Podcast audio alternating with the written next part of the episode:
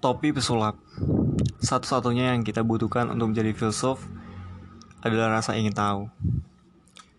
Sophie yakin dia akan mendapat kabar dari penulis surat tanpa nama itu lagi. Dia memutuskan untuk tidak menceritakan kepada siapa pun tentang surat-surat itu untuk saat ini. Di sekolah, dia sulit memusatkan perhatian pada apa yang dikatakan guru. Tampaknya, mereka hanya membicarakan hal-hal yang tidak penting. Mengapa mereka tidak membicarakan apakah manusia itu? Atau tentang apakah dunia itu dan bagaimana itu menjadi ada? Untuk pertama kalinya, dia mulai merasa bahwa di sekolah dan juga di tempat-tempat lain, orang-orang hanya mengurusi hal-hal remeh. Padahal sesungguhnya ada masalah-masalah besar yang harus dipecahkan. Apakah ada seseorang yang dapat menjawab pertanyaan-pertanyaan ini? Sophie merasa bahwa memikirkan hal-hal tersebut jauh lebih penting daripada menghafal perubahan bentuk kata-kata kerja tak beraturan. Ketika bel berbunyi, setelah pelajaran terakhir, dia buru-buru meninggalkan sekolah sehingga Joanna harus berlari mengejarnya. Tak lama kemudian, Joanna bertanya, "Kamu mau ikut main kartu malam ini?" Sophie mengangkat bahunya. Aku tidak begitu tertarik lagi pada permainan kartu. Joanna kelihatan kaget. Kamu tidak tertarik? Kalau begitu, mari kita main badminton. Sophie menatap jalan aspal di bawah, lalu memandang kawannya. Kukira aku juga tidak ingin main badminton. Bercanda kamu. Sophie menyadari ada nada kecewa pada suara Joanna. Maukah kamu memberitahuku apa yang tiba-tiba jadi begitu penting? Sophie hanya menggelengkan kepalanya. Itu itu rahasia. Wah, kamu mungkin sedang jatuh cinta. Kedua gadis itu terus berjalan beberapa saat tanpa mengucapkan sesuatu. Ketika mereka tiba di lapangan sepak bola, Joanna berkata, Aku mau menyeberang lapangan saja. Menyeberang lapangan memang jalan paling cepat untuk Joanna, tapi dia hanya mau melewati jalan itu jika dia harus buru-buru pulang karena ada tamu di rumah atau ada janji dengan dokter gigi. Sampai menyesal telah bersikap buruk kepadanya. Namun, apalagi yang dapat dikatakannya, bahwa dia dengan tiba-tiba menjadi begitu keasyikan untuk mencari tahu siapa dirinya dan dari mana datangnya dunia. Sehingga dia tidak punya waktu lagi untuk bermain badminton. Apakah Joanna akan mengerti? Mengapa begitu sulit untuk terserap dalam masalah yang paling penting dan dalam satu hal paling wajar itu?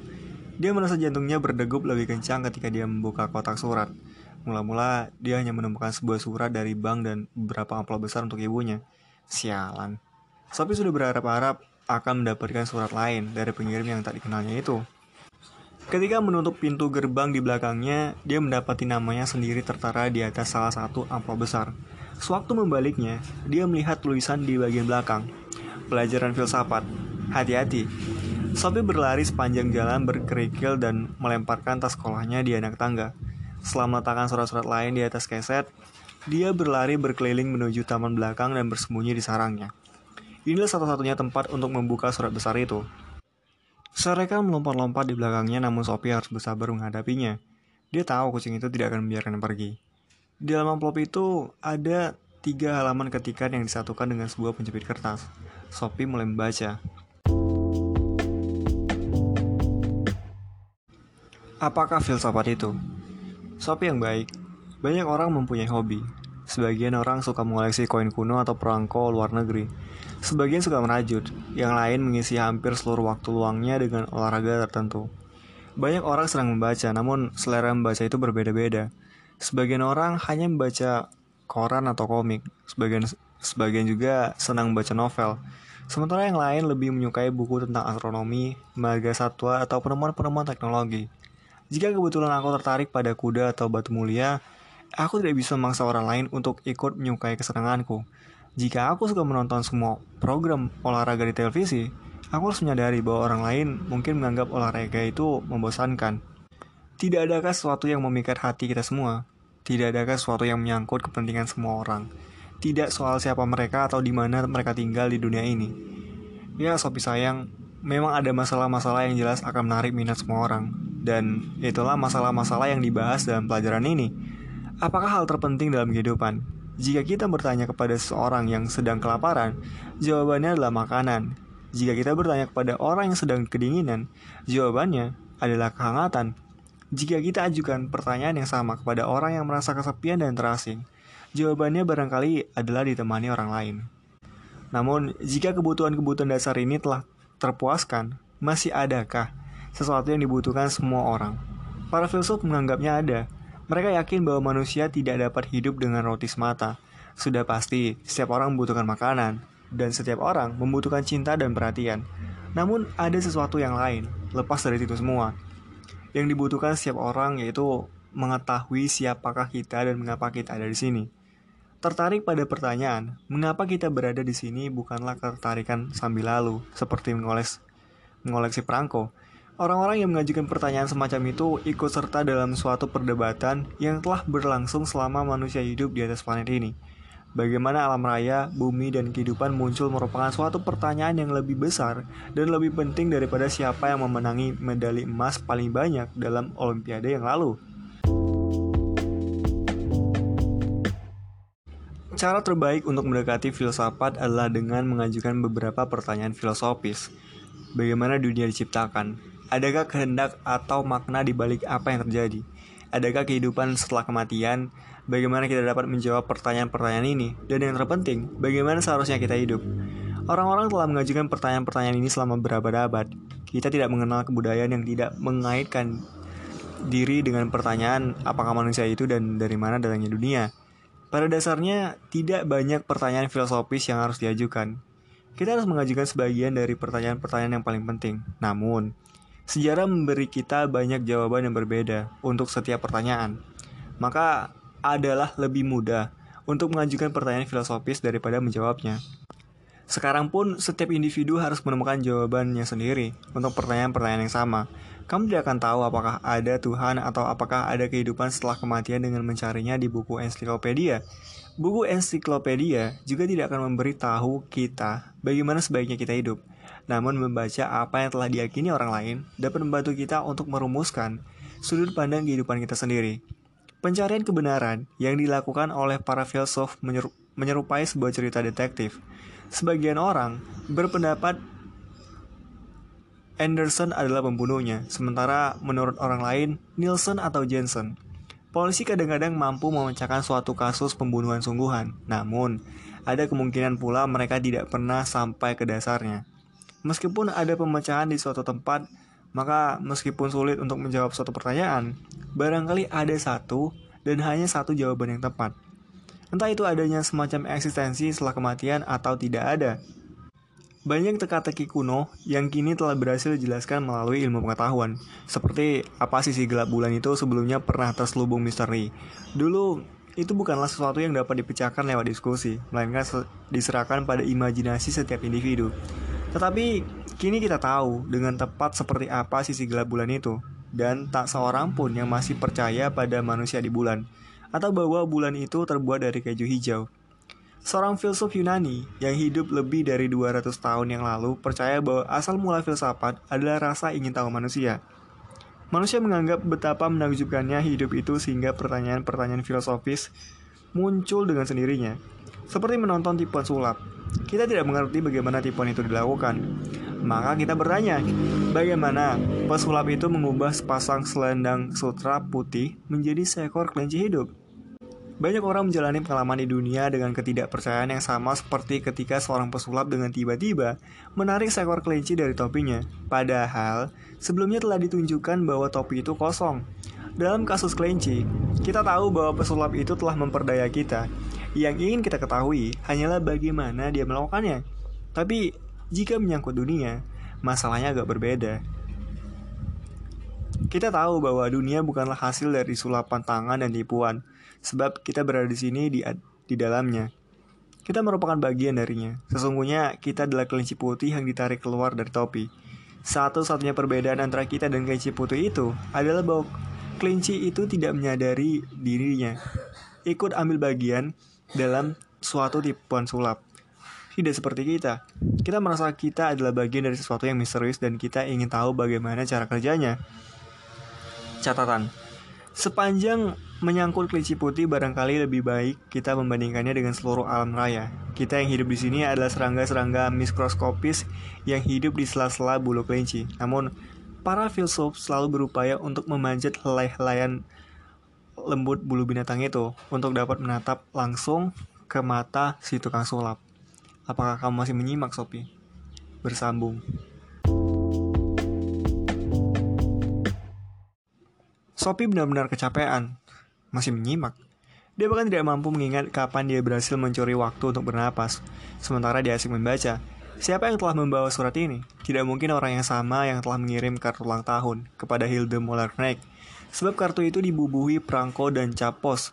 Amplop coklat itu telah dibawa sendiri ke kotak surat persis seperti dua amplop putih sebelumnya. Sophie melihat arlojinya, kini jam 3 kurang seperempat. Ibunya belum akan pulang kantor dalam waktu dua jam ini. Sophie merangkak keluar menuju taman lagi dan lari ke kotak surat. Barangkali masih ada surat lain. Dia menemukan satu lagi amplop coklat dengan namanya tertera di situ. Kali ini dia melihat berkeliling namun tidak ada seorang pun yang terlihat. Sophie berlari ke tepi hutan dan memandang ke jalan. Tidak ada seorang pun di sana. Tiba-tiba dia mengira dirinya mendengar bunyi ranting jauh di dalam hutan. Tapi dia tidak benar-benar yakin. Dan bagaimanapun tidak akan ada gunanya mengejar seseorang yang sudah bertekad untuk melarikan diri. Sophie masuk rumah. Dia berlari naik ke kamarnya dan mengeluarkan sebuah kaleng kue besar yang berisi batuan-batuan yang indah. Dia mengeluarkan batu-batuan itu ke lantai dan meletakkan kedua amplop besar itu ke dalam kaleng. Lalu dia bergegas ke taman lagi, sambil memegang kaleng itu dengan hati-hati dengan kedua tangannya. Sebelum pergi, dia mengeluarkan makanan untuk serekan. Kiti, kiti, kiti. Begitu kembali berada di sarang, dia membuka amplop coklat kedua dan menarik keluar halaman ketikan baru, dia mulai membaca.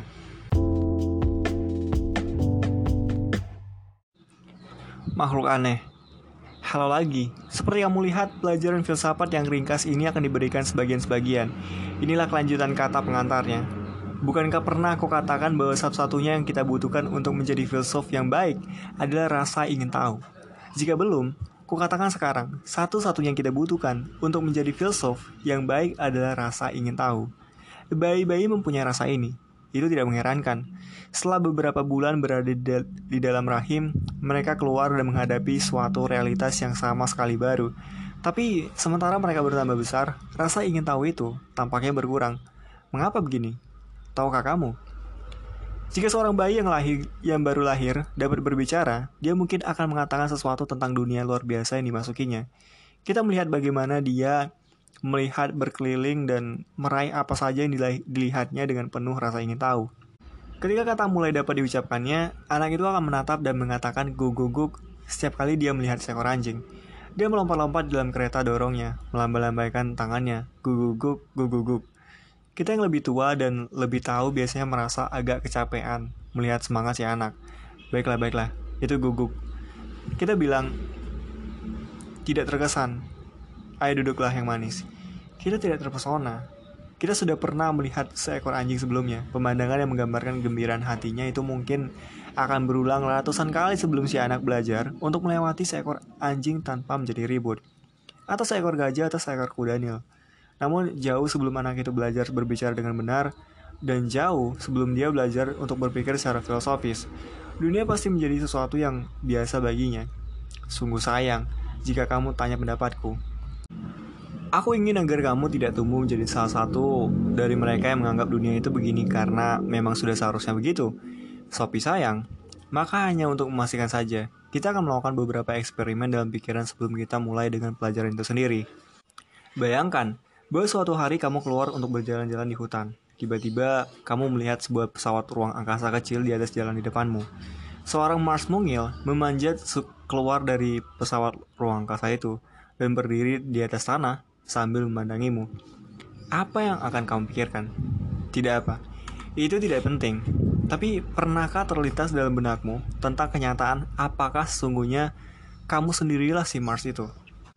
Memang sangat mustahil bahwa kamu akan pernah bertemu dengan makhluk dari planet lain.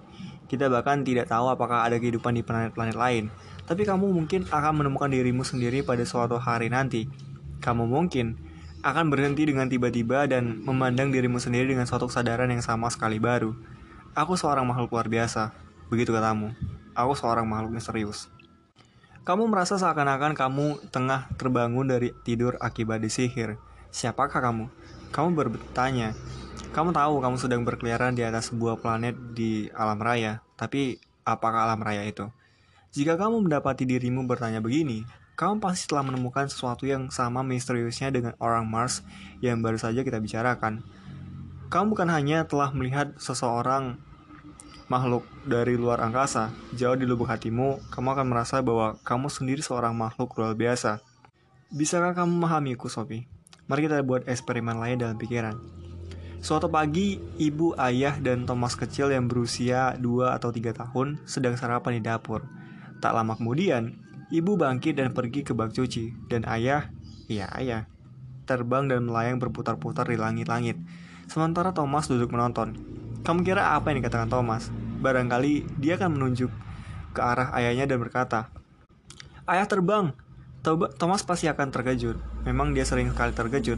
Ayah melakukan begitu banyak hal aneh sehingga masalah terbang di atas meja sarapan itu tidak ada bedanya baginya. Setiap hari ayah bercukur dengan mesin yang lucu. Kadang-kadang dia memanjat atap dan memutar-mutar antena televisi. Atau dia akan menyuruhkan kepalanya ke bawah moncong mobil dan tahu-tahu keluar dengan wajah hitam. Kini giliran ibu. Dia mendengar apa yang dikatakan Thomas dan berbalik dengan tiba-tiba. Kamu kira bagaimana reaksinya melihat ayah melayang-layang dengan acuh tak acuh di atas meja dapur? Dia menjatuhkan toples selai di atas lantai dan menjerit ketakutan. Dia bahkan mungkin memerlukan perawatan medis begitu ayah kembali duduk dengan hormat ke kursinya. Ayah mestinya lebih mengenal sopan santun sekarang ini. Menurutmu, mengapa Thomas dan ibunya bereaksi dengan cara begitu berbeda? Semuanya ada hubungannya dengan kebiasaan. Catat ini. Ibu sudah tahu bahwa orang tidak dapat terbang. Thomas belum. Dia belum yakin apa yang bisa dan tidak bisa dilakukan di dunia ini. Tapi bagaimana dengan dunia itu sendiri, Sophie? Apakah kamu kira ia dapat melakukan apa yang dilakukannya? Dunia juga melayang-layang di angkasa. Sedihnya, bukan hanya kekuatan gaya berat sajalah yang terbiasa kita rasakan ketika kita tumbuh.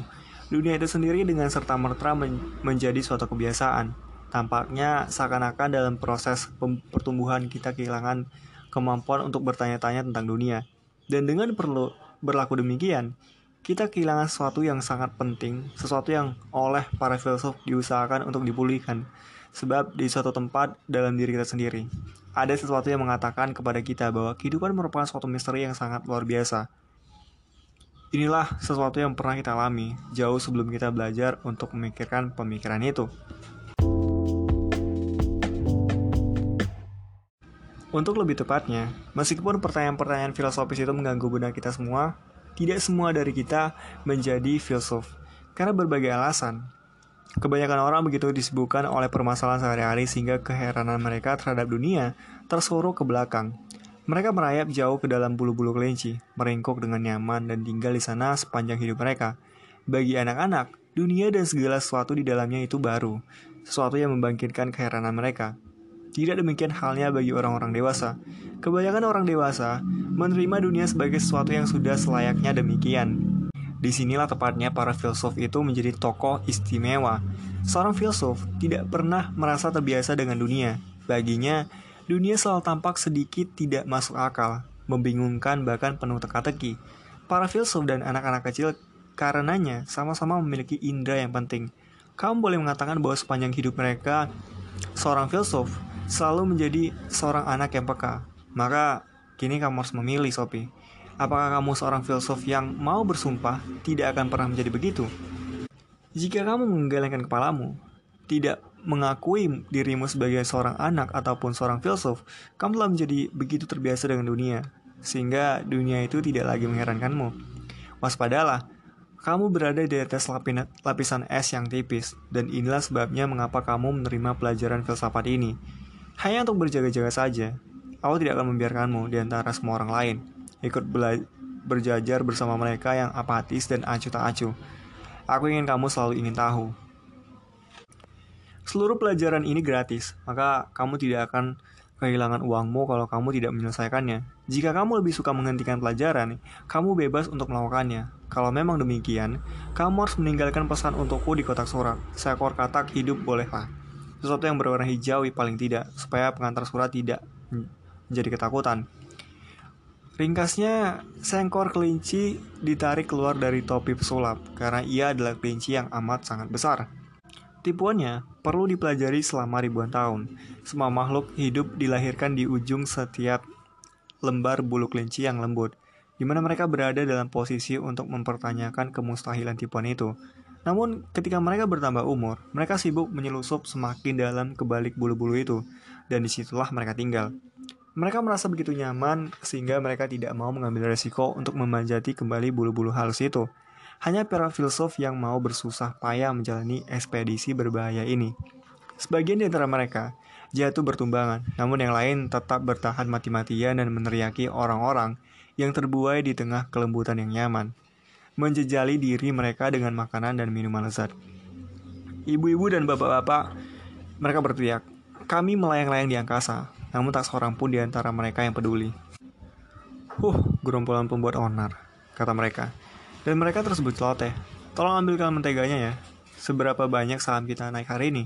Berapa harga tomat?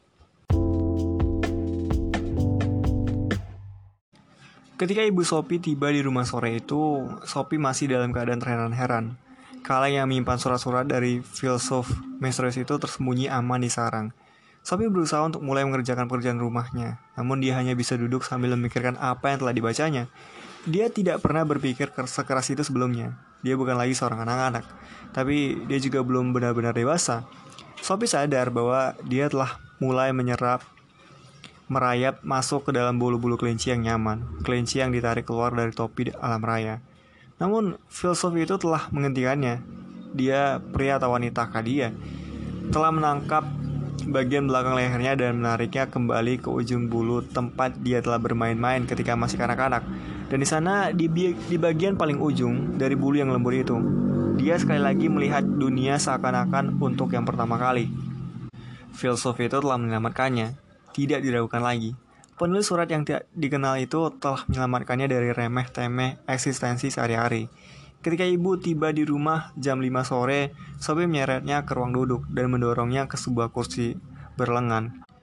Bu, tidakkah ibu pikir mengherankan bahwa kita hidup? Dia memulai. Ibunya demikian terkejut sehingga mula-mula dia tidak menjawab. Sobi biasanya sedang mengerjakan pekerjaan rumahnya ketika dia pulang.